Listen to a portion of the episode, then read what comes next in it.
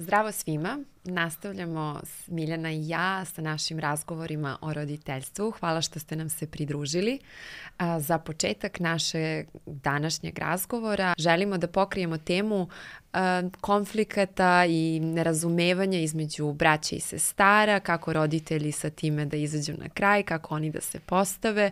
Između ostalog ćemo pričati o tome kakva je uloga i šire porodice, dakle baka i deka, nastavnika i na koji način mi svi možemo jedni drugima da pomognemo da budemo bolji uh, roditelji, odnosno podrška našoj deci. Pa da počnem sa pričom.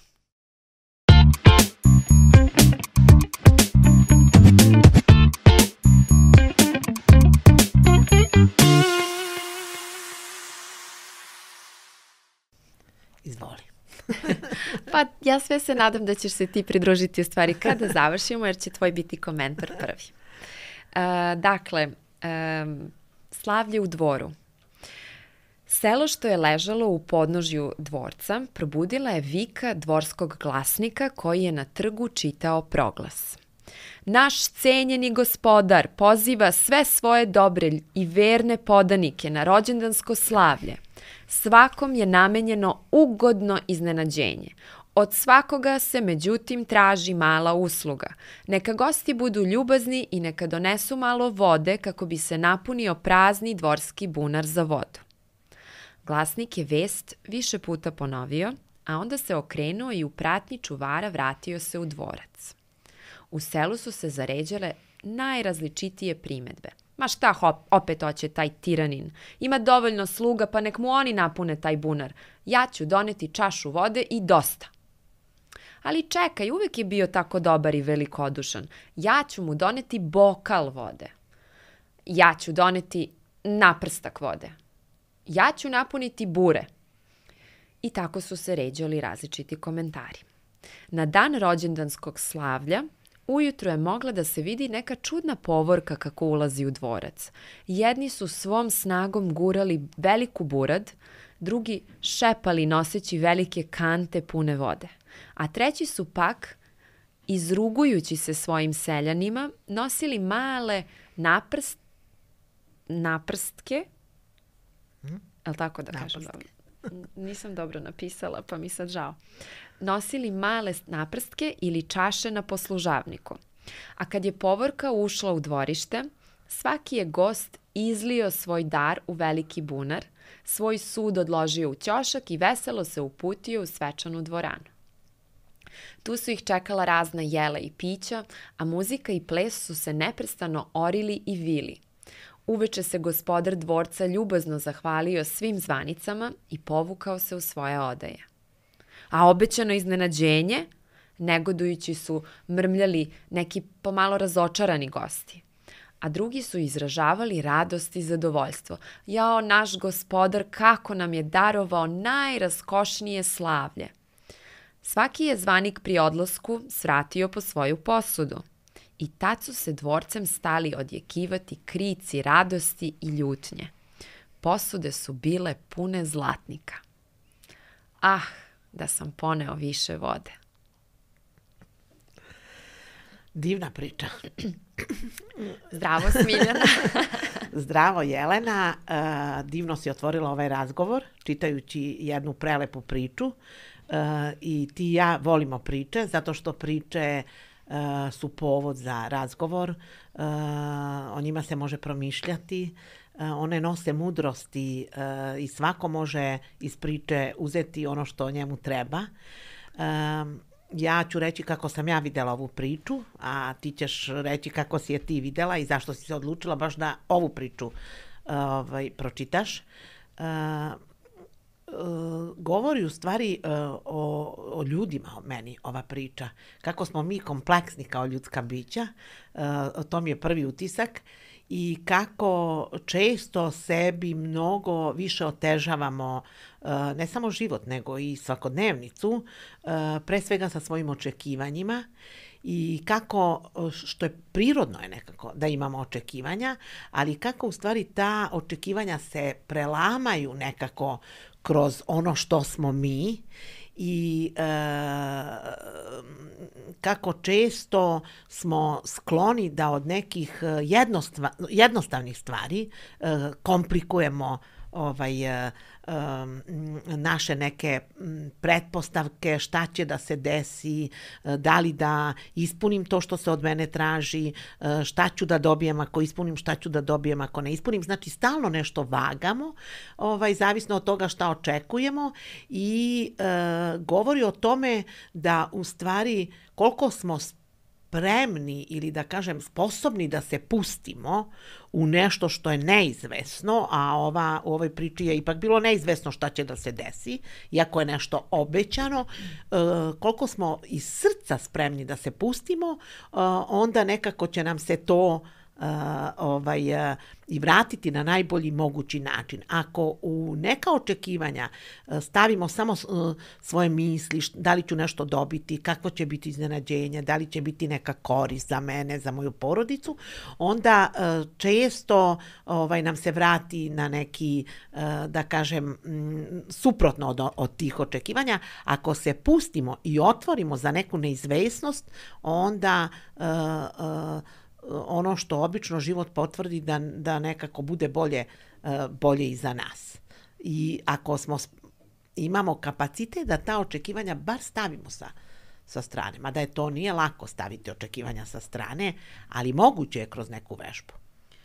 Pa, sviđa mi se kako si ti doživala u priču i mislim to mi je i bila namera u stvari da nekako pored toga što podstaknemo nekako roditelje na razmišljanje, takođe i da pružimo neku vrednu priču možda koju oni mogu i da prepričaju svoj deci. Um, jer poruka ove priče jeste da, um, ja sam i napisala par poruka koje sam, da kažem, izvukla, uh, sreća koju tražimo izmiče nam, a sreća koju pružamo vraća nam se. Um, takođe, uh, velika duša zahteva od sebe, a sitna duša od drugih. Svet ima dovoljno za potrebe svih, ali nedovoljno za pohlepu samo jednog jedinog.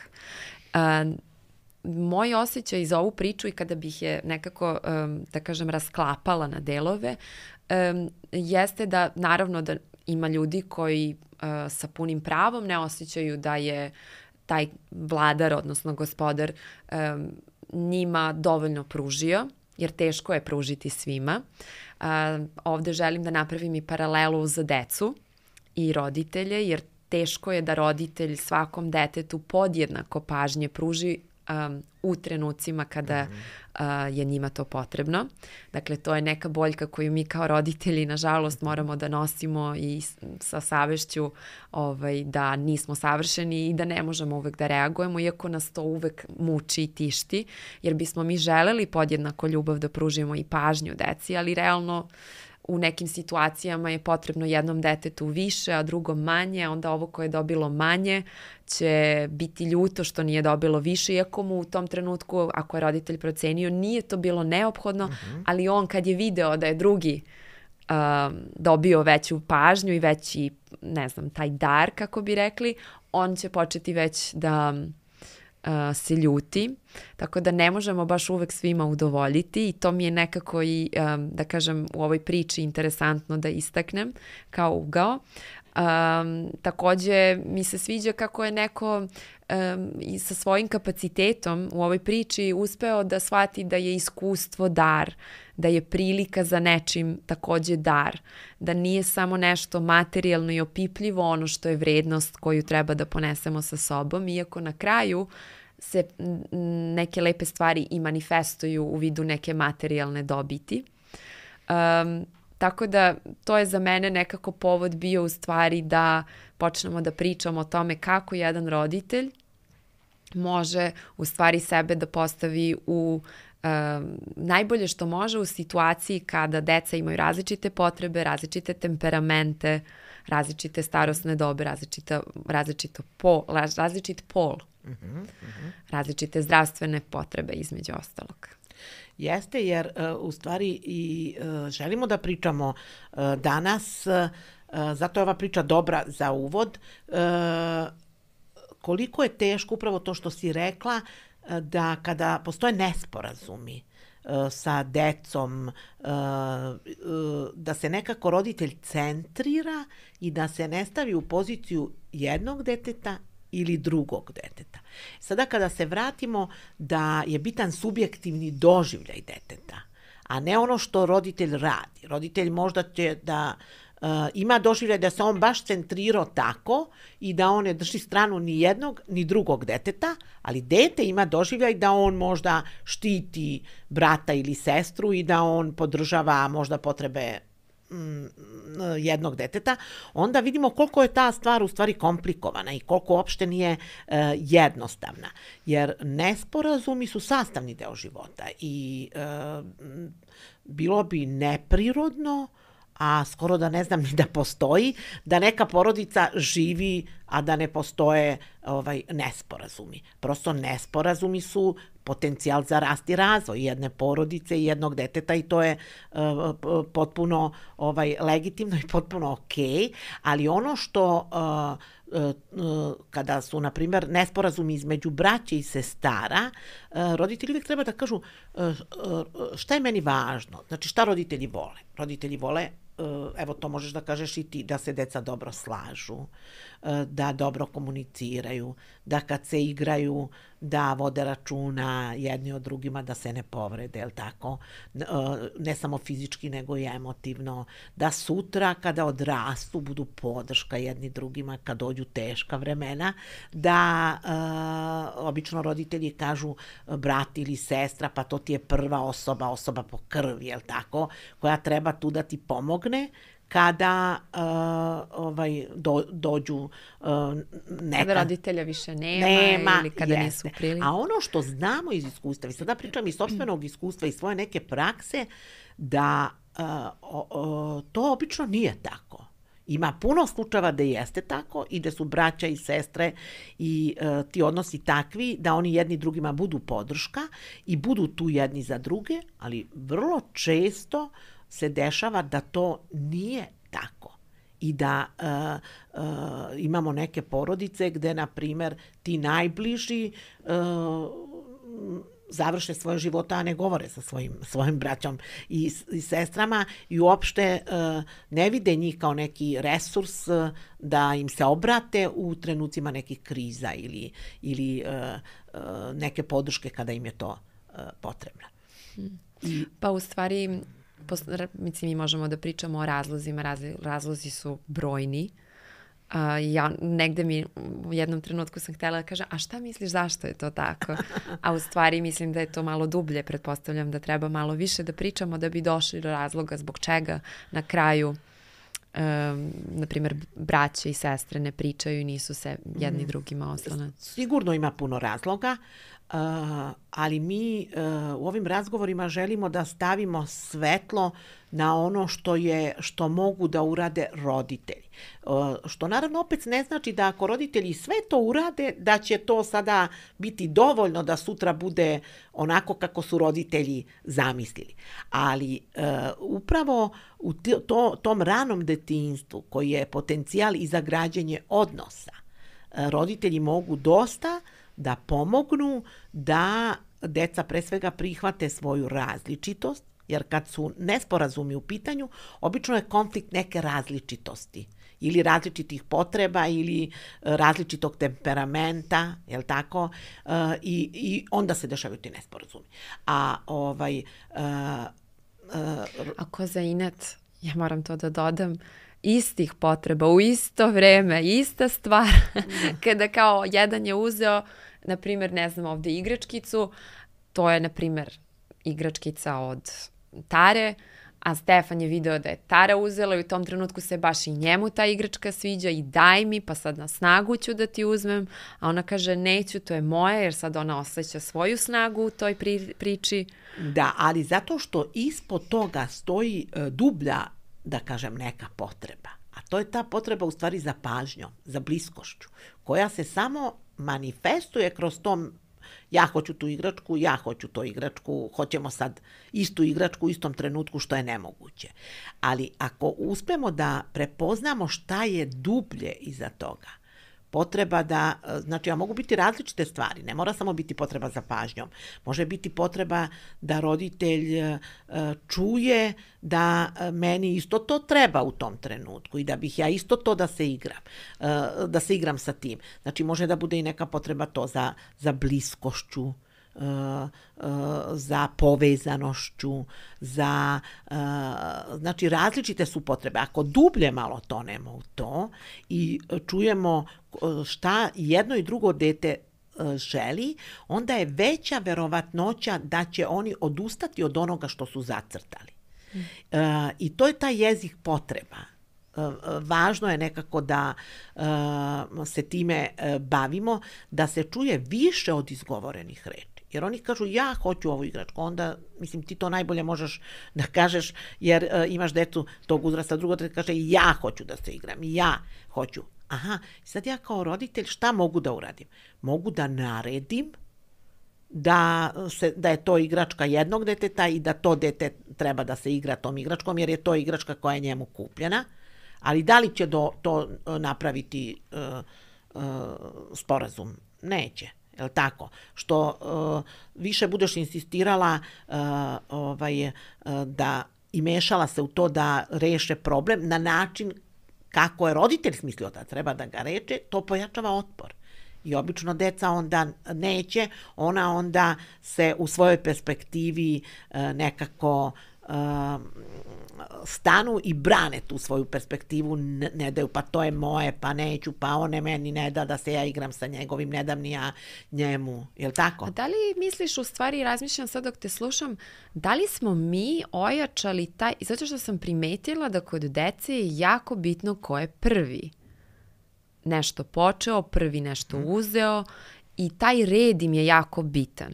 Valjda zato što sad razmišljam da li sm, ja uvek preispitujem sebe pa polazim od toga, a da li u tom slučaju onda neko misli da ako je prvi on je bitniji ili je to samo red radnji? Jer mi smo često pokušavali na taj način da kontrolišemo, da se zna red radi nekog, da kažem, pravilne raspodele i u nekim trenucima se čini kao da je to osuda mislim, bukvalno prokledstvo kao, jao, prvi je kuku, a sad je ispao i grub ili ispala gruba i onako e, nepažljiva i onda se tu proizvede različita, da kažem, da. različit pa haos. Pa dva najopasnija pitanja u nesporazumu su ko je prvi počeo i ko je kriv e, i ko je u pravu. Je li tako? Jer ko je prvi počeo? Sad ću da napravim samo malu paralelu, delovaće malo možda preglomazno i nepovezano sa kontekstom, ali u suštini jeste. E, ko je prvi počeo u ovom ratu e, iza nas koji je prošao? Mislim, iz naše perspektive neko drugi je prvi počeo. Iz njihove perspektive e, mi smo prvi počeli. Je li tako? E, ko je kriv? Iz naše perspektive neko drugi je kriv. Iz perspektive onih drugih mi smo krivi. Jel tako? I tu je, uh, uh, to su dva najopasnija pitanja. Ko je prvi počeo i ko je kriv? Znači mi smo sa svojom odraslom nezrelošću u stvari napravili koncept u kome smo, da kažem, napravili kuršlus u kući. Uh, pa jeste. Suština jeste da mi pričamo šta nama treba u toj situaciji. Mm -hmm.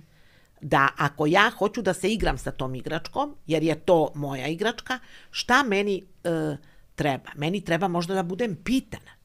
Da ako je to moja igračka, e, mene moj brat pita da li on može da se igra jer je to e, moja igračka. Volim da budem pitana kad se uzimaju moje stvari, da me pitaju da li mogu da uh, se sa njima, da li može i on da se igra sa njima. A dobro, da li je rešenje, pitan kao svaki roditelj, da se kupi dva od svega? Jer ne može svako da priušti dva od svega. A ako se kupi dva, da li na taj način sprečavamo konflikt, odnosno sudar dve strane ili I šta se dešava tu? Pa gledajte, gledajte, sad ja kao da sam svima počela tebi, kao, da, svima se obraćamo, a izgleda kao da sad hoću tebi da persiram. Ovaj, uh, uh, da li je rešenje da kupimo dva? Nikad ne možemo da kupimo. Mislim, možemo mi da kupimo, ali ne možemo na taj način zadovoljiti tu potrebu koju, time nećemo sprečiti da nesporazumi nastaju, ako čak imamo mogućnosti da kupimo dve stvari, dve igračke, uh, dve knjige, Znači, ne, uh, uvek će se pojavljivati nesporazumi i to neće uticati na to da se oni umanje. Znači, to bi bila prečica do praktično nečega što ne dovodi nas Jeste. do tog I to rešenja. bi bilo na neki način i uh, površno gledanje na rešavanje nesporazuma. Kao kupit ću dve, ovo je tvoje, ovo je tvoje i uh, uh, ono što bih ja voljela tebe da pitam, kada bi ti kupila dve stvari jednom detetu i drugom detetu, uh, uh, kako bi to, kako ti misliš, kako to deca uh, doživljavaju. Kao ovo je tvoje, ti se igraj sa tim, ovo je tvoje, evo imate iste dve stvari, da ne bi bilo nesporazuma, ja želim da svako ima svoju stvar i to je najbolji način da ne dolazimo u situaciju da se raspravlja. Pa, m, prvo što meni, da kažem, pada na pamet jeste da ih na taj način ne učim da dele. Zato što praktično sam ih već u startu razdvojila i na taj način napravila navodno, prividno situaciju gde nema mm -hmm. konflikta.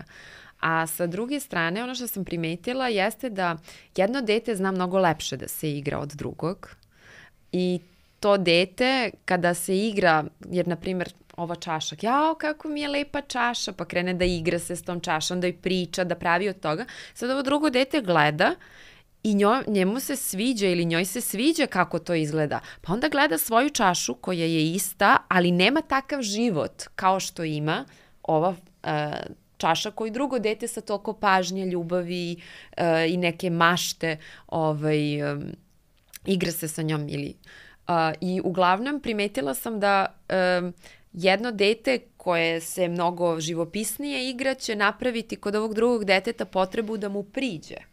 -huh. I potrebu da možda i ono dodirne tu igračku ili iako ima to isto, zašto mi kad odemo pa kažemo deci pa imaš i ti toga isto, hiljadu istih igračaka kod kuće, šta ti fali, a otišao kod drugara koji ima jednu, na primer, i tako se lepo igra s tom jednom. Pa onda sada mi kao šta je pogrešno s mojim detetom?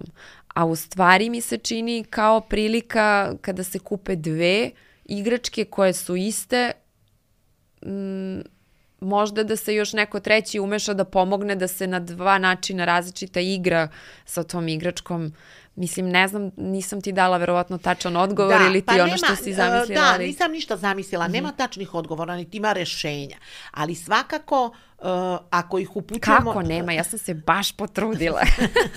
pa, uh, uh, ako stalno trčimo ka rešenju, velika je verovatnoća da nećemo ni naći rešenje. Bitno je uh, vaspitanje uz, uh, uzajamnost. To je proces i nije lak. Znači, to smo više puta rekli i više puta smo se složili oko toga, da to nije lako. I, ali važnije je taj proces nego ono što, nego samo rešenje.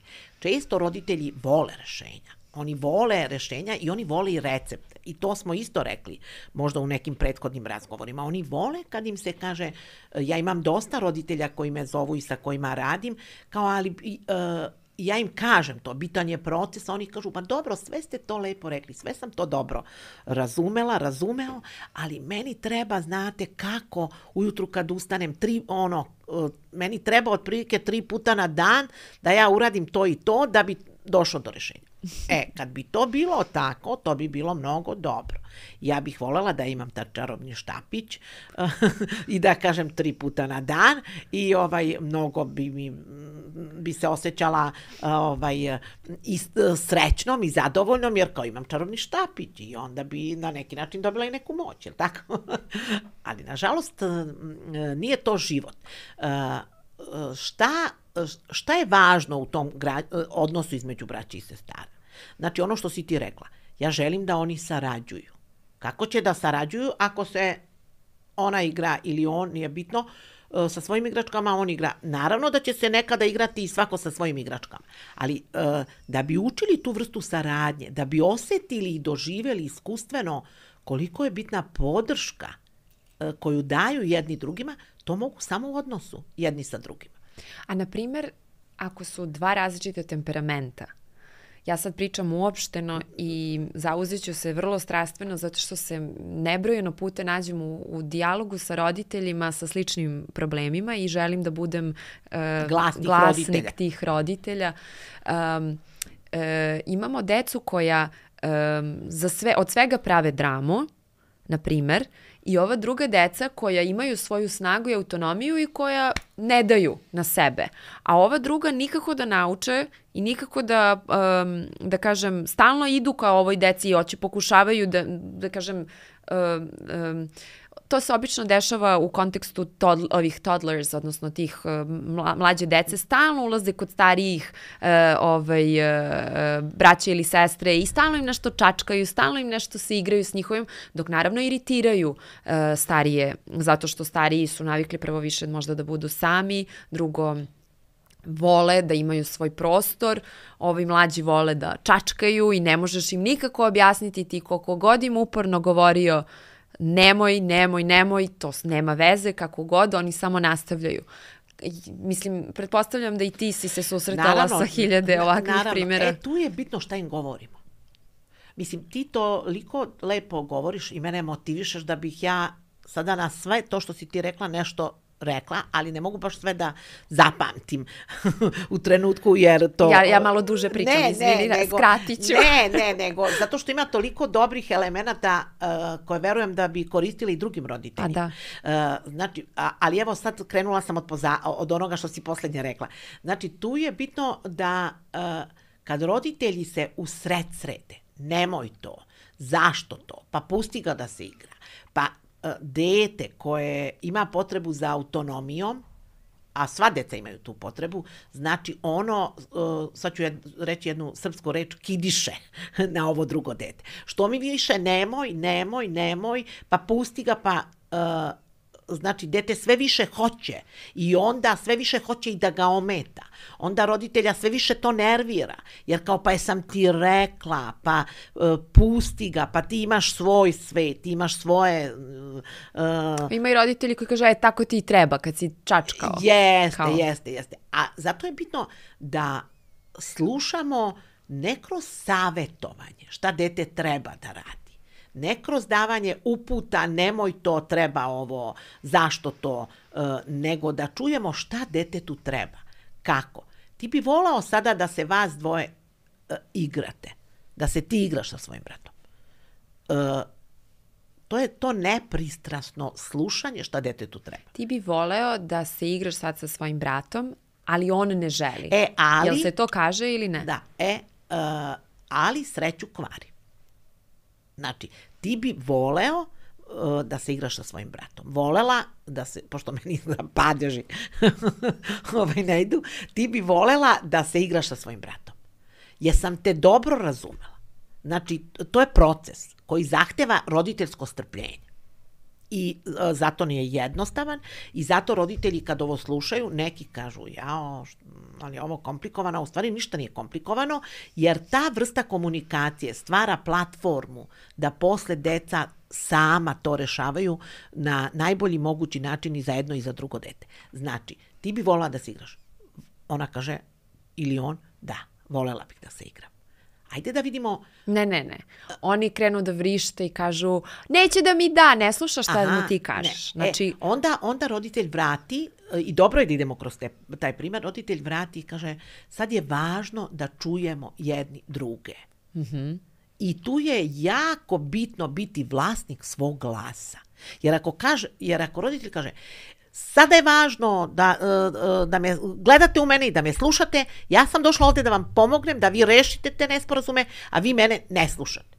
Znači, kad roditelj tako kaže, deca neće da slušaju. Da. Znači, vrlo je bitno da roditelj bude vlasnik svog glasa i da bude u stvari vesnik uh, toga da je on došao tu da podrži jedno i drugo dete, ne da sudi ko je u pravu. Znači u tom trenutku praktično kad dete tako uh, ja sad pokušam da se postavim Dobro. u tu situaciju, znači kažeš, vidim da si se jako uznemirio mm -hmm. ili uznemirila, želim da ti pomognem. Da li sam dobro razumela? Ti želiš da se igraš sa svojim bratom. Uh, uh, može mala dorada toga. Mm -hmm. Znači, uh, ja imam želju da pomognem. I hoću da pomognem ako ste vi spremni da Jer roditelj... Mora da pitamo ne... da za dozvolu da li žele da pomoć. Jer roditelj želi če, uvek da pomaže. Znači možemo da kažemo jel ti treba pomoć? Jel vam Želiš treba da pomoć? pomoć? Ja bi sada da vam... Ja, mog, ja bi sada ovde da nekako vam pomognem da to rešite. Jel vama to treba Ali ili za ne? koji je to uzrast primereno? Uh, pa to, uh, to je naravno što se tiče uzrasta. Uh, što ranije počnemo to da primenjujemo uh, i, i kod onog najnižeg uzrasta deca će lakše to upiti. Naravno da je bitan uh, jezik i, i bitan je razvojni nivo deteta, pa nećemo detetu koje ima tri godine pričati ovim jezikom. Onda ćete, aha, ja sam tu da, da uh, kad je malo dete, onda kažete manje reči. Ono što isto hoću da kažem, manje, roditelji vole mnogo da pričaju. Malo reči dopire do srca. Puno reči imate, često idemo svi mi i, i idemo i ti i ja zajedno i odvojeno, slušamo i neka predavanja i razne stvari, idemo, kad neko priča mnogo je pametan, ali mnogo govori. Ne, može, ne možemo ni da, da čujemo šta sve govori. E, u nesporazumima je jako bitno da bude jasno, efikasno, kratko e, i da nekako utiče na to da se deca povežu tvoje pitanje je bilo od kog uzrasta. Što ranije počnemo, ja sam tu da vam pomognem, jer vama to okej. Okay.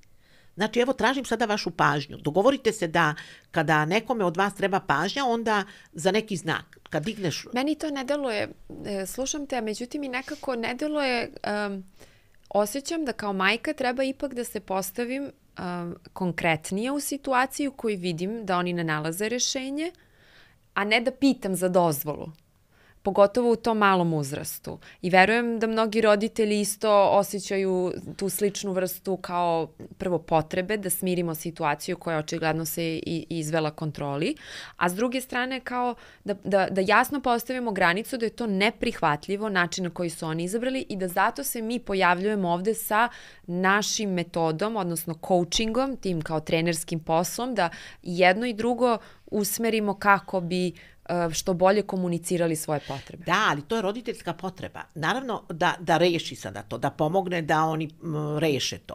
Ako je ugrožena bezbednost, onda o tome se ne pregovara.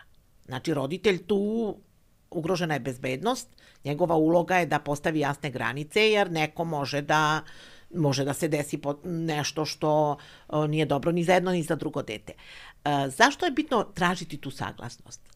Zato što mi na taj način uvažavamo dete. E, I e, dajemo mu neku, e, neki uvid da ima on kapacitet ili ona da sami nađu to rešenje. Ali kada z njih obuzmu prejake emocije, Dobro. oni stvarno ne umeju da traže pomoć. Ili ima dece sa karakterom koja odbija pomoć zato što je toliko isfrustrirano da ne ume beži, pusti me i često roditelji kažu uh, ja hoću da mu budem ta bezbedna, mm -hmm. uh, bezbedan prostor, za saosećajan prostor, ali moje dete šutira, udara, gura me od sebe i ja u tom trenutku ne mogu, ja pitam za pomoć, kao da li želiš pomoć, ja vidim da mu treba pomoć, ali ono odbija. Ok. A nastavlja sa tim ponašanjem. Znači, pitaš, ili treba pomoć, a dete uh, odbija. Aha, ono što sada tebi treba da sam prođeš kroz to. I e, ja iz onoga što ti sada radiš vidim da e, moje prisustvo tu e, nije dobro. Jer, jer nekada dete neće ništa reći, nastavit će i dalje da se ponaša na način koji je za roditelja neprihvatljiv. Ali dugotrajno slušajući to što detetu treba u različitim situacijama, mi dete vraćamo na taj unutrašnji oslonac i uh, pomažemo mu da i ono samo osvesti da njemu treba da se smiri na primjer u toj situaciji. I da ne može u toj situaciji nesporazuma, to je naravno sve povezano i sa mozgom, da on, njemu treba da tu amigdalu u kojoj se procesuiraju emocije, koja je emocionalni deo mozga, treba da umiri. On jednostavno se toliko uzburkao emotivno, kao i mi uh, imamo takve situacije, treba nam malo da, da, da se sami dovedemo uh, uh, potpuno red. I ako mi u toj situaciji kad dete odbija pomoć, kažemo mi smo tu, ja sam tu da pomognem, uh, ne možeš tako da se ponašaš, mi u stvari dete uh, odvraćamo da se ne okreće ka sebi, nego mi kontrolišemo tu ponašanje. A ono što roditelj treba da nauči dete u toj situaciji, da dete prepozna kako se osjeća, da prepozna šta mu treba u toj situaciji.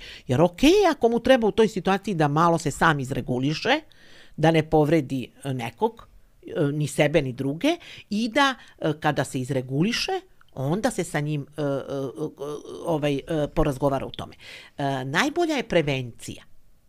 u situacijama e, kada su nesporazumi intenzivni, Pa svako od nas neka se seti svojih nesporazuma sa partnerima, sa svojim roditeljima, sa prijateljima, sa poslodavcima. E, znači, e, ako nemamo tu tehniku da se samo regulišemo, mi smo skloni da izgovorimo toliko strašnih reči i toliko, e, znači da povredimo jedni druge, da nekada ne možemo ni da se posle resetujemo i vratimo na pređašnje stanje, zato što u toj emotivno obojnoj situaciji ne, se desi da mi povređujemo i sebe i druge. I ako mi detetu kažemo, tebi sada treba malo da ti to odleži, da ti odstoji, to što kroz ti prolažiš, meni je samo bitno da vi ne povredite fizički jedni druge. E, uh, I okej okay mi je da posle o tome razgovaramo. Onda pustite dete da ono uh, prođe kroz taj proces i kada roditelj vidi da je dete se povratilo, ajde tako da kažemo, onda uzme e, i razgovara. Ne možemo rešavati nesporazume, e, najteže je posredovati kada se oni dešavaju. To može ako smo se dogovorili prethodno sa decom, kad nije bio nesporazum. Kada vi imate neke nesporazume, e, je li vama okej okay da ja pomažem da vi to rešavate? Znači onda, onda tražite saglasnost, ali pre nego što i došlo došao nesporazum. I onda to bude e, deo dogovora vaše porodice. I e, tu je bitno da deca daju saglasnost, jer deca neće. On. I onda, onda je vrlo važno da se vratite na taj dogovor. E, dogovorili smo se, vi ste se složili, evo ja sam tu. E, mislim, to bi trebalo tako. To je kao optimalno, ali život nije optimalan i odnosi nisu optimalni i, i vrlo često se dešavaju e, nesporazumi, ali ono što je bitno iz celog ovog razgovora nekako da zaključimo, da je važno e, da se sluša šta detetu treba, da se prepeznaju ta osjeća. Ti si se uznemirila sada, jer bi ti da se igraš. E, sad se vraćam na onaj primer, e, ali on neće. Ne, ti, vi slušate kao roditelj šta tom detetu treba. Aha, to tebi treba. A, ali ono što njemu treba u ovoj situaciji, njemu treba u ovoj situaciji da on uživa u tome što on stvara i jednostavno bi volao da uživa sam sa sobom. I sad... Aha, ti bi želela da se igraš sa njim, a on bi želeo da se igra e, sam. E, a on bi želeo sam. Jeste čuli sada da mm -hmm. on, ti želiš sa njim, a on želi sam. I sada, uh, znači, čuli su šta treba jednom, šta treba drugom. Znači, to je proces, polako bitno je samo da roditelj bude utemeljen, da ne bude da... Uh, se... A da li je onda rešenje, e, opet postavljanje pitanja dobro, pošto sad mi to deluje kao bezizlazna situacija. Dobro. Jer jedan želi ovo, drugi želi ono i to je to. A ovaj je već isključio ovu mogućnost dobro. njene, rešavanja njene potrebe.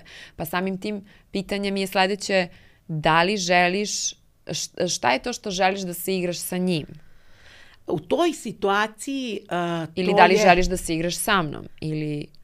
U toj situaciji e, roditelj ima potrebu, e, što sada pokazuješ i ti kroz to pitanje, ali pokazuješ više i zbog drugih roditelja da oni e, čuju jer se stavljaš u poziciju roditelja pre, u toj situaciji. Tako je, predstavnica si svih roditelja yes. koji imaju takve situacije.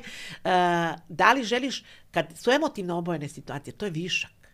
Dete ne može tada da, da, ni zna ni šta želi ni šta ne želi. Mm -hmm. Znači, pomažemo mu da čuje šta treba i onda najbolje bi bilo da oni sami nađu rešenje. Ja bih voljela sada da vidim kako bi vi to kako bi vi sada izašli? Ona želi da se igra, ti želiš da budeš tamo. Jel imate vi neki predlog? I on kaže, hoću da izađe iz moje sobe. Aha, znači ono što je on sada jasno rekao, ja volim kada se jasno govori, da on želi sam da se igra. Uh, E, onda... Ali on uvek može da uđe u moju sobu i on meni uvek uzima moje igračke i on uvek i on... Aha. Znači, sad je kao... Aha. E, sad i dalje slušamo taj proces u detetu koji se dešava drugom.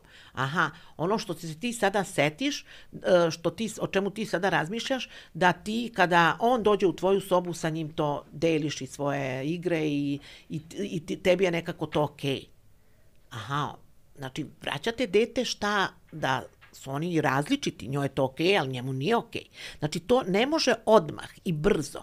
Bitno je da slušajući ono što se dešava u jednom i drugom detetu, jednog trenutka, to slušanje, koje nije kritikovanje, koje nije prosuđivanje, koje nije suđenje, e, koje nije e, znači isledništvo, šta se desilo, kako, znači slušanjem tog procesa energija padne I to roditelj lepo oseti. I onda oni su spremni da nađu neko rešenje.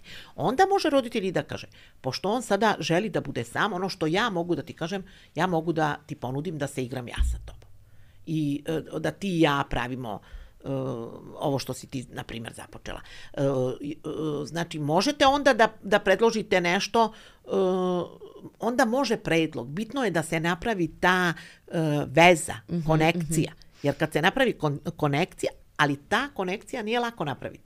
To je proces, zahteva strpljenja, a često mi u svakodnevnom životu koji je komplikovan, težak, imamo puno obaveza, nekad uh, i nemamo vremena. I često roditelji kažu kada se s njima priča o tome, ma mislim to je sve dobro, ali ja nemam vremena.